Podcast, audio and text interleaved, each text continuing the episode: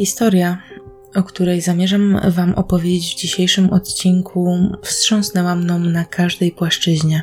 Jest to ludzka tragedia, której można byłoby zapobiec, i to uderzyło we mnie chyba najbardziej. Nie jestem specjalistą w tym temacie, ale nie trzeba nim być, bo gołym okiem widać, że gdyby nie jawne zaniedbania, to naprawdę nie mielibyśmy o czym mówić.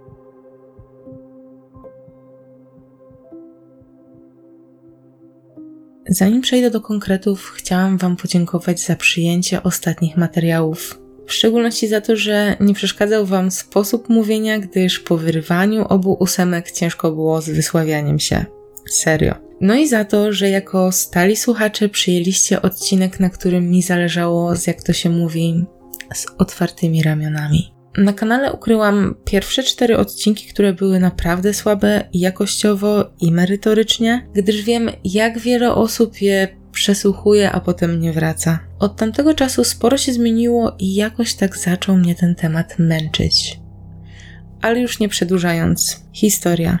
Jest to sprawa z zeszłego roku, więc możliwe, że o niej słyszeliście. Ale jeśli macie ochotę, to rozsiądźcie się wygodnie, czy róbcie co tam robicie, dajcie znać, gdzie mnie słuchacie. Ja zapraszam Was do wysłuchania opowieści.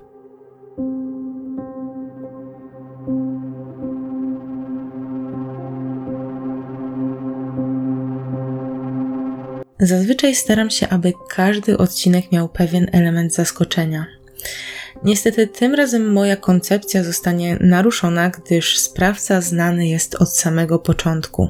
Przenosimy się pod Nowy Sącz, dokładniej do Florynki w gminie Grybów. 29 lipca 2019 roku lokalna komenda policji odebrała nietypowe jak na tamtą okolicę zgłoszenie. Dotyczyło ono zaatakowanej przez nożownika kobiety. Po chwili kolejne, tym razem zabójstwo. Wszystkich ataków dokonał jeden mężczyzna. Sprawca został złapany przez mieszkańców Florynki, chociaż nie było to najłatwiejsze zadanie. Według świadków był w takim szale, że czterech mężczyzn miało problem go utrzymać. Kim był i co właściwie się stało? Dlaczego dopuścił się takich okropieństw? Stefan W. był w tamtym momencie w okolicach trzydziestki. Nie miał stałej pracy, dorabiał na budowach i jako mechanik. Mieszkał z matką, gdyż ojciec zmarł kilka lat wcześniej.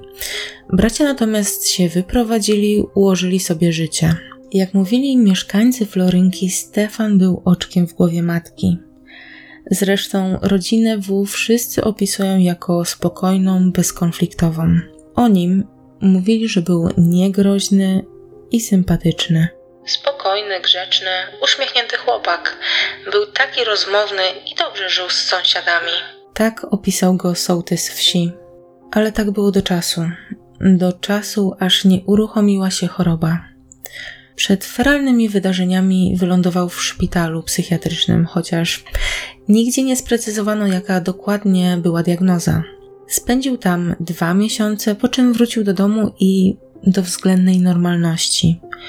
Podobno był pod kontrolą lekarza, a kiedy brał leki, zachowywał się normalnie. Jednak w pewnym momencie mężczyzna, jak wynika z relacji świadków, zrobił coś, co zdarza się bardzo często u pacjentów leczących się psychiatrycznie. Widząc efekty, odstawił przepisane leki, wierząc, że choroba minęła prawdopodobnie bez wcześniejszej konsultacji z doktorem, chociaż jeśli chodzi o historię pacjenta, do tej pory jest to jedna wielka niewiadoma. Nie wiadomo na jakie zaburzenia konkretnie cierpiał, jak był leczony. Miał urojenia, co szybko można byłoby wrzucić do kategorii schizofrenia i tym podobne, ale bez oficjalnych potwierdzeń nie można tego stwierdzić. To są tylko przypuszczenia. Odstawianie takich środków często powoduje nawrót objawów. Występują problemy psychiczne i fizyczne. Zazwyczaj można zaobserwować, jak choroba stopniowo postępuje. Jednak zdarza się, że nawrót jest ciężki. Tak musiało być i w tym wypadku. Pani Marianna skarżyła się podobno w miejscowym sklepie, że syn zachowuje się dziwnie, a ona nie potrafi sobie z tą sytuacją poradzić. Tu według zeznań. Chodził po domu, puszczał głośną muzykę i odgrażał się, że komuś coś zrobi. Mówią też, że od dłuższego czasu coś było nie tak. Podobno było to widać, ale nikt nie spodziewał się, że dojdzie do takiej tragedii. Najbardziej przeżywała to matka Stefana. Czy pojawiła się tu obojętność ze strony otoczenia? To chyba takie typowe, że najczęściej ludzie dookoła nie chcą wtrącać się w problemy innych ludzi. Tu chyba nie ma kogo obwiniać, bo rodzina wiedziała, do kogo zwrócić się o pomoc. Dlatego do tematu obojętności jeszcze wrócimy. 28 lipca pani Marianna wezwała do domu pogotowie, gdyż mężczyzna był agresywny, a ona sama zaczęła się go obawiać. Kiedy przyjechała karetka, kobieta miała prosić ich o zabranie syna. Lecz tak się nie stało. Kolejnego dnia w domu rodzinnym pojawił się drugi syn, pan Adam. Zobaczył, co dzieje się z bratem i postanowił sam osobiście odwieźć go do szpitala psychiatrycznego, do tej samej placówki, w której w 2018 roku badano i leczono Stefana. W drodze Adam zadzwonił do lekarza opisując stan, w jakim znajdował się w tamtym momencie Stefan W. Kiedy pojawili się na miejscu, ten zaczął kłaść się na podłodze i odgrażać. Lekarz sprawdził historię jego choroby, po czym powiedział, że to zawracanie dupy. Wspomina w materiale uwagi pan Adam. Stefana nie zatrzymano w szpitalu. Nie było też innego wyjścia, jak wrócić do domu do Florynki. Dlaczego tak się stało? To nie pierwsza taka historia, gdzie pacjent z objawami choroby psychicznej zostaje odesłany do domu. Jakiś czas temu głośno było też o historii Wiktora, który przez swoje problemy popełnił samobójstwo. O tej sprawie słyszało wiele osób, jest bardzo poruszająca i tu dygresja. Czym spowodowana jest ta znieczulica, można by rzec?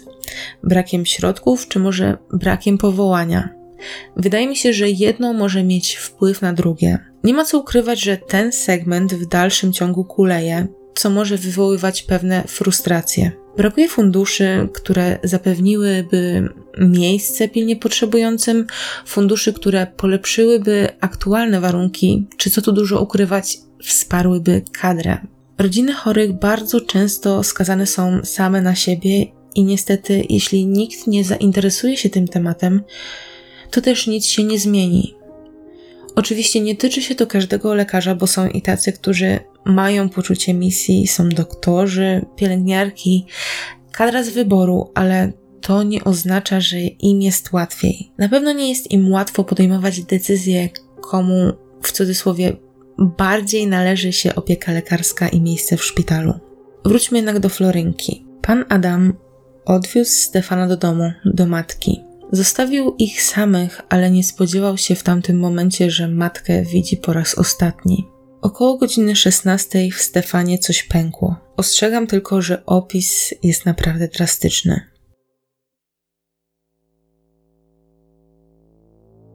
Pierwszą ofiarą padła matka. Mężczyzna w swoim szale zaatakował ją, zadał kilkanaście ciosów nożem. Rozciął jej brzuch, krew była dosłownie wszędzie. Sam Stefan był nią wręcz przemoczony. Kiedy zadał ostatni cios, wbił nóż w plecy aż po rękojeść. Potem, jak gdyby nigdy nic, wyszedł z rodzinnego domu. Ruszył w stronę rzeki, rozebrał się do naga i w białej zmył z siebie krew matki. Co najgorsze, to nie był koniec, gdyż nagi Stefan ruszył na dalsze łowy. Jego kolejnym celem była 78-letnia sąsiadka, pani Anna. Do środka wszedł przez wybite okno. Była w środku sama i nie miała jak się bronić. Napastnik chwycił nożyczki krawieckie, obezwładnił kobietę i wydubał jej oczy. Nie wiadomo, co jeszcze zrobiłby W, ale atak usłyszeli bliscy pani Anny. Na początku myśleli, że zasłabła, ale kiedy Tadeusz, jej syn, wszedł do domu, zobaczył Stefana siedzącego na niej z nożyczkami w ręku. Kiedy usłyszałam jego relacje z tych wydarzeń, miałam ciarki na całym ciele. Podobno oczy zwisały jej z oczodołów. Niewiele myśląc, Tadeusz zepchnął Stefana z matki, po czym pobiegł po pomoc. Wtedy W ruszył za nim. Właściwie był tak rozwścieczony, że wybijał okna, wyważał drzwi i jak mówi synowa pani Anny, prał wszystkich kołkiem. Złapałam palika i zaczęłam go okładać. Krzyczałam na całą wieś ratunku. Mąż przybiegł z sąsiadem. Obezwładnili go i związali, ale we czterech nie byli w stanie go utrzymać. Tak relacjonowała całe zajście kobieta. Pani Anna była w ciężkim stanie, chociaż zdawała sobie sprawę z tego, co zrobił jej napastnik. Podobno mówiła: Zobacz, co on mi zrobił. Wezwano pomoc. Rodzina zaatakowanej kobiety była przerażona. Nie wiedzieli, czy z tymi obrażeniami przeżyje. Z Florynki do szpitala przetransportował ją helikopter. Obezwładniony Stefan miał wykrzyczeć, że zabił własną matkę, a to był kolejny szok. Na miejscu pojawiły się służby ratunkowe, które myślały, że jadą do wypadku. Prawda była niestety dużo gorsza. Pojawiła się również policja, która zaaresztowała Stefana. Usłyszał zarzut zabójstwa oraz usiłowania zabójstwa. Początkowo znalazł się w areszcie. Nie umieszczono go jednak z innymi więźniami. Wylądował w szpitalu. Potem z aresztu trafił do Gorlickiego Szpitala Psychiatrycznego. Został zatrzymany na trzy miesiące. W pierwszych dniach od tragedii nie udało się go przesłuchać. Nie było z nim kontaktu i chyba nie zdawał sobie sprawy z tego, co zrobił. Jego rodzina natomiast złożyła obszerne zeznania. Według braci Stefan nigdy nie skrzywdziłby matki. Owszem, dochodziło między nimi do sprzeczek, ale nigdy do rękoczynów. Zgodnie twierdzili, że to choroba doprowadziła do tragedii. Choroba i obojętność lekarza ze szpitala psychiatrycznego, do którego dwie godziny przed zdarzeniem pojechał Adam i Stefan. Tak naprawdę można śmiało powiedzieć, że instytucja, która miała mu pomóc, nie spełniła swojej funkcji, ale ten wątek badała prokuratura. Kiedy po kilku dniach z mężczyzną udało się porozmawiać, podobno zaprzeczył wszystkiemu, o co go oskarżano. Mówię podobno, gdyż wspomina o tym tylko jedno źródło. W wielu kwestiach prokuratura odmawiała komentarza. Wiele spraw utajniono dla dobra śledztwa, na przykład nigdzie w mediach nie pojawiły się informacje o tym, który cios był śmiertelny i czy sekcja zwłok w ogóle to wykazała. Najświeższe wzmianki pochodzą z lutego bieżącego roku. Stefan został poddany długiej obserwacji w związku z zaburzeniami, na jakie cierpi. Biegli mieli orzec, czy w momencie popełniania morderstwa czy ataku na sąsiadkę był świadomy tego, co robi. Jak stwierdzili lekarze, mężczyzna w tamtym momencie był odcięty od rzeczywistości, czyli zwyczajnie niepoczytalny. Jego ofiary były przypadkowe, nie wiedział, kogo atakuje, nie wybrał matki czy sąsiadki. To mógł być naprawdę każdy, kto stanął mu na drodze. Sądownie zostanie lub został osadzony w szpitalu psychiatrycznym bezterminowo. To jest na tyle świeża sprawa w dobie dzisiejszej epidemii, wiele spraw się przesuwa, dlatego brak informacji, czy jakiś wyrok już zapadł. Co to znaczy bezterminowo? Jak tłumaczy jeden z artykułów lekarze co pół roku będą wystawiać opinie dotyczące tego, czy Stefan nadaje się do opuszczenia szpitala, czy powinien nadal przebywać w izolacji od społeczeństwa. Względem lekarza, który odesłał Stefana do domu, również zostało wszczęte śledztwo, tak jak już mówiłam, ale nie ma jednak więcej informacji na ten temat. Pani Anna, czyli raniona sąsiadka, ciężko walczyła o życie. Przez kilka dni lekarze próbowali operacyjnie uratować jej oczy. Niestety w wyniku ataku nożownika straciła wzrok. Cała Florynka mocno przeżyła tą tragedię, głównie dlatego, że nikt nie spodziewał się tego, co się stało. Jak wspominałam, nie było tajemnicą to, że Stefan brał leki na swoje zaburzenia. Mieszkańcy wiedzieli, że spędził kilka miesięcy w szpitalu psychiatrycznym. Nikomu jednak nie wchodził w drogę, tylko matka skarżyła się, że jest z nim gorzej, ale nikt nie pomyślał, może nawet nie wiedział, do czego doprowadzić może choroba psychiczna, czy jak to się mówi, z czym to się je. Oczywiście już po wszystkim pojawiły się też plotki, że to nie choroba, a narkotyki i dopalacze doprowadziły Stefana do tego stanu. Nikt oczywiście nic nie widział, ale to jedyne, co ludziom przychodzi do głowy. Dopóki nie zmieni się prawo w sprawie narkotyków i dopalaczy, to nic się nie zmieni. To słowa jednego z sąsiadów. Ten sam mężczyzna powiedział również, że każdy może załatwić sobie tak zwane żółte papiery. Czy to takie łatwe? Nie wiem. Oficjalnie nigdzie nie ma adnotacji dotyczącej zażywania przez Stefana w jakichkolwiek substancji odurzających. Faktycznie mogło być i tak, że coś brał, a to uruchomiło chorobę, ale chyba sami rozumiecie, że nie można brać tego za pewnik, skoro to tylko plotki. Niektóre społeczności, jeśli chodzi o choroby psychiczne, mm, no, niektóre społeczności nie mają po prostu odpowiedniej wiedzy. To temat, który cały czas się rozwija. Często człowiek sam ogranicza się do stwierdzenia, że wina leży po stronie narkotyków, czy rzucenia hasłem ten to ma nierówno pod sufitem. Wiem na pewno jedno. Bagatelizowanie takich przypadków, czy to przez społeczeństwo, a przede wszystkim przez ludzi, którzy powinni nam pomagać, prowadzi do spełniania się najgorszych scenariuszy. Osoba z problemami, z zaburzeniami, taka, która nie radzi sobie w danej sytuacji i potrzebuje kontroli, może być zagrożeniem zarówno dla ludzi wokół, jak i dla samego siebie. Nie wiem, co jeszcze musi się wydarzyć, aby ci tam wyżej zainteresowali się wsparciem tego segmentu i chyba nie chcę wiedzieć.